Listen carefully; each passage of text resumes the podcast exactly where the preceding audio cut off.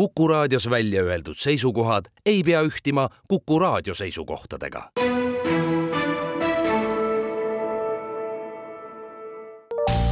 terviseks. Saadet toetab Lääne-Tallinna Keskhaigla, vaata ka keskhaigla.ee tere, head Kuku kuulajad, eetris on saade Terviseks ja kui me eilses saates rääkisime uriinipidamatusest, siis tänasel teemal jätkame. mina olen Ingela Virkus ja koos minuga on stuudios Lääne-Tallinna Keskhaigla naistekliiniku günekoloogia osakonna ülemarst, juhataja doktor Külli Iidla, tere! tere! Me rääkisime eelmise saate lõpus äh, sellest, et äh, ei tasuks siis äh, kaua piinelda, vaid ikkagi oma probleemist perearstile kurta ja sellega tegelevad ka naistearstid, et kuidas teile tundub, ta on ikkagi natukene vist selline tabuteema, et kas äh, jõutakse õigeaegselt abini või pigem äh, kannatatakse ikkagi kodus ja siis tullakse kuidagi viimases hädas? Äh, jah, see on eriti vanema generatsiooni, vanemale generatsioonile selline piinlik tabuteema, see on õigus. ja, ja kui küsite, et kui kiiresti selline patsient nagu arsti jõuab, juurde jõuab oma muredega, liiga kaua võtab see aega ja vahel ju naised ei räägigi sellest probleemist, et kannatatakse vaikselt hambad ristis. Ja, ja ei teata, et sellele probleemile on lahendusi ja oluliselt võime äh, parandada nende elukvaliteeti, et viiskümmend neli protsenti Eesti naistest selle küsitluse, mis kunagi siin mõni aeg tagasi tehti, alusel on elu jooksul tajunud äh, seda äh, uriinipedamatust kui probleemi, aga meie näeme neist, ehk siis gümnakoloogid näevad neist kaduvväikest hulka mida välja ravimata uriinipidamatus kaasa võib tuua, et äh, kui tõsiseks areneda võib? no enamasti sellised stress-tüüpi uriinipidamatus äh, ja, ja üliaktiivne põis nüüd tohutult tõsiseid kahjustusi või, või tagajärgi endaga kaasa ei töö, noh, loomulikult järjest ebamugavamaks ja äh, see elu läheb on olemas selline asi nagu totaalne uriinipidamatus ka, aga see enamasti tekib siis, kui on mingi trauma või närvikahjustus. no kui on pidev uriinivool, siis me kujutame ette, mis ta endaga kaasa toob, selle nahakahjustus seal ümberringi, rääkimata et patsiendil on kohutavalt ebamugav, sellest tekib ikkagi see uriinilehk, eks ole, ja, ja äh, ta pelgab seda ja, ja see inimesed muutuvad üksikuks ja sulgunuks. Jah, on põletikurisk aga, aga nagu ma eelpool mainisin eelmises saates, me peame kõigepealt põhjuse välja selgitama, et hakkame sellest peale ja teinekord võibki olla siin seal taga näiteks neerukivitõbi või välja ravimata kuseteede põletik, mille põhihaiguse ravi siis lahendab ka selle uriinilekke probleemi jah, et neid põhjuseid äh, võib selle taga päris palju olla, et äh, kuidas te siis nende õigete põhjusteni jõuate, et äh, mis uuringuid tehakse, mis teste tehakse või, või analüüse? no kõigepealt, kui naine tuleb naistearsti juurde, siis me räägime temaga, et nagu ma siin eelpool mainisin, erinevatel uriinipidamatuse tüüpidel on erinevad kaebused ja on selline küsimustik välja töötatud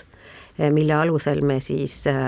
eristame neid erinevaid uriinipidamatuse vorme ja, ja määrame nende raskusaste, et naised ise hindavad neid. no lisaks eh, sellele tehakse günekoloogiline läbivaatus, sellepärast et uriinipidamatust võib tihti kaasneda ka vaagnaelundite allavaia korral, nii-öelda kui põis on paigast ära ja alati me teeme ka uriinianalüüsi, nagu äh, siin eespool sai mainitud, et tihtipeale võib olla mingi krooniline kuseteede põletik, mis asja süvendab äh,. menopausis naistele on tihtipeale põhjuseks just see, et östrogeeni tase on organismis langenud ja, ja nendele me ka määrame sellise lokaalse hormoonasendusravi, sellised spetsiaalsed kas tupetabletid on või kuulikesed, mis või, või siis kreemid, salvid, mis äh, sisaldavad östrogeeni ja mis nii-öelda toidavad ja tõstavad selle limaskesta turgorit nii põies kui, kui äh, tupes kui nüüd äh, põhjus saadakse teada, milline on äh, uriinipidamatuse ravi? kui põhjuse me teada saame, me hakkamegi sealt erinevalt nüüd äh, seda asja käsitlema, milles on põhjus. kui stresstüüpi inkontinentsil on põhjus kudede lõtvusest, lihas, lihastoonuse langusest, siis alustatakse sellisest asjast nagu vaagnapõhja lihaste treening see tuleb muideks kasuks ka siis, kui on üliaktiivne eh, põis, aga see võiks nagu olla nagu esmavalik, eriti noorematel naistel. et üllatavalt suur protsent patsiente sellest abi saab ja, ja edasi võib-olla nad ei vajagi enam mingit spetsiifilist ravi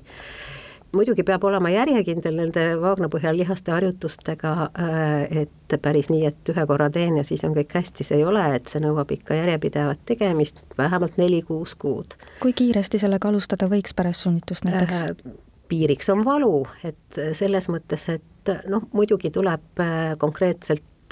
oma, oma tohtri käest küsida, teinekord on seal tegemist suurte rebenditega, et aga võimalikult vara, et et äh, sellega saab abi ja, ja enamus noortel naistel lahenebki sellega ära, et umbes poole aasta jooksul ja meil ei olegi enam probleemi. aga teistel äh, juhtudel, et kui on äh, mingi muu põhjus, kui äsja no jah, et see vaagnapõhja lihaste harjutused, see on nagu meil ütleme, laiatarbekaup, eks ole, ja, ja ongi ta üks väga tore asi. meil on spetsiaalsed kohe äh, sellele harjutustele või vaagnapõhja harjutustele spetsialiseerunud füsioterapeudid ka meie naiste nõuandlas või polikliinikus võtavad nad täitsa vastu, et õpetame naisi, kuidas, kuidas neid täpselt teha, see ei ole päris nii, et hakkan nipsust ise tegema kui sellest nüüd abi ei ole, eks ole, et me räägime ravist nüüd sellest, just sellest äh, pingutust ehk stresstüüpi inkontinentsi ravist või uriinipidamatuse ravist, siis edasi juba tulevad, äh, võib, võib vaja minna kirurgiat. ja nüüd on vahe, ka seal on spetsiaalsed sellised tupepessaarid või niisugused tugivahendid, millest võib abi olla vahepeal veel ütleme, et kui me päris vaagnapõhja harjutustest nüüd abi ei saa, siin on, on, on olemas ka laserravi, see on selline kahetine, seal kui nüüd la-, laserravist rääkida, et erinevad, erinevad uuringud annavad sealt erinevaid vastuseid, et ta ei ole nagu päris selline meie, meie guideline idesse jõudnud, aga, aga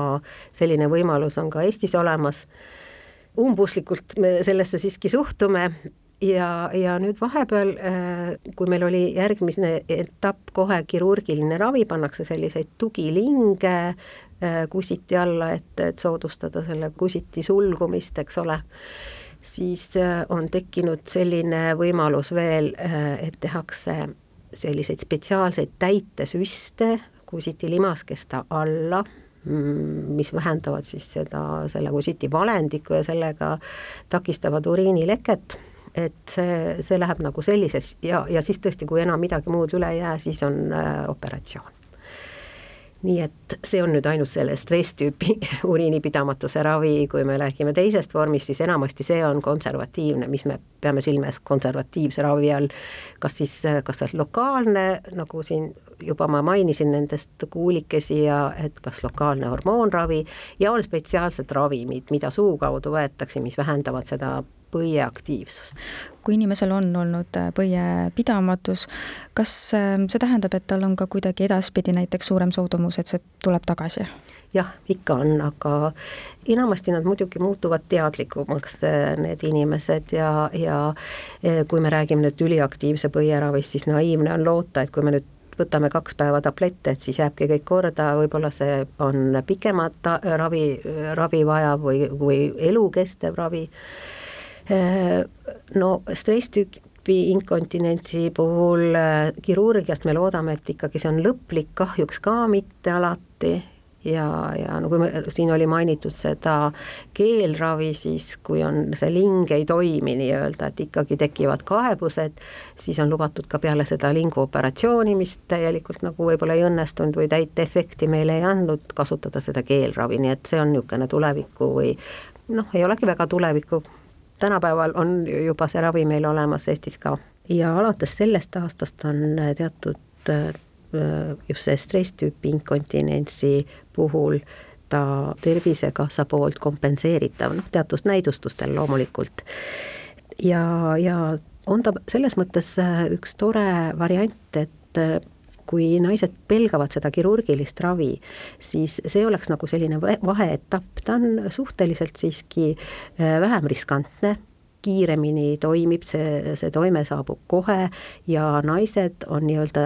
naasevad oma tavaellu juba kahekümne nelja tunni pärast, eks ole, ja see raviefekt on kohene kahjuks ta kõigile ei toimi, et me ei saa äh, elada nüüd illusioonides ka, et kõik on superideaalne, see toimimisprotsent on kuskil kuuekümne ja kaheksakümne protsendi vahel, aga suur hulk naistest sellest abi saab. Ja alati jääb meil siis tagataskusse see kirurgia võimalus. Kas seda saab kuidagi ka ennetada, uriinipidamatust, et kui ongi olukord selline, et inimesel on olnud, on suurem soodumus ja tõenäosus, et mingi hetk või mingi olukord tal tekitab jälle seda uriinipidamatust? jah, näiteks, et kui on tegemist nüüd uriinipidamatuse vormiga, mis, mis kaasneb näiteks kusedede põletikule, siis loomulikult me ei saa mingit garantiid anda, et mõne aja pärast see põletik jälle ei korduks ja sama asi hakkaks peale, et äh, seda, kõiki asju vältida ei ole võimalik, aga selles mõttes küll, et hoida oma lihased toonuses. Äh, jälle ma jõudsin sinna Vaagna põhiharjutuste juurde, et äh, see on see abivahend naistele, millega võiks tegeleda aga kui äh, spetsialisti käest, arsti käest saab nõuandeid, et kuidas neid vaagnalihaseid äh, treenida juba siis, kui on äh, mure käes, aga ennetavalt näiteks, et mida te soovitaksite või kust naine võiks alu-, algust teha nii-öelda, et et õiged vahendid leida ja, ja mida see täpsemalt siis endast kujutab? vaagnapõhja lihu, lihased on sellised kavalad lihased, nad päris niiviisi võib-olla esmapilg, esmatundel tajutavad ei ole, kui me nüüd käe või kätt või jalga liigutame et kust sellist infot saada, et kuidas seda õieti teha. meil on ju kõik äh, võlumaailm internet, eks ole. Äh, nimetati neid kunagi keegliharjutusteks selliseid äh, igal polikliinikul, igal naiste günekoloogia kliinikul on omad bukletid äh, füsioterapeutide ja, ja gümnakoloogide koostöös välja töötatud. Ja selline tore koht on nagu Youtube, kus äh, äh, nii-öelda rahvusvaheliselt tunnustatud füsioterapeudid on oma, oma videod suurest altruismist üles riputanud ja need täitsa tasuta on aitäh teile saatesse tulemast ja nõu andmast Lääne-Tallinna Keskhaigla naistekliiniku günekoloogia osakonna ülemarst, juhataja doktor Külli Idla ning palju jõudu ja jaksu teile! aitäh ja kõike head teile ka. terviseks. saadet toetab Lääne-Tallinna Keskhaigla, vaata ka keskhaigla.ee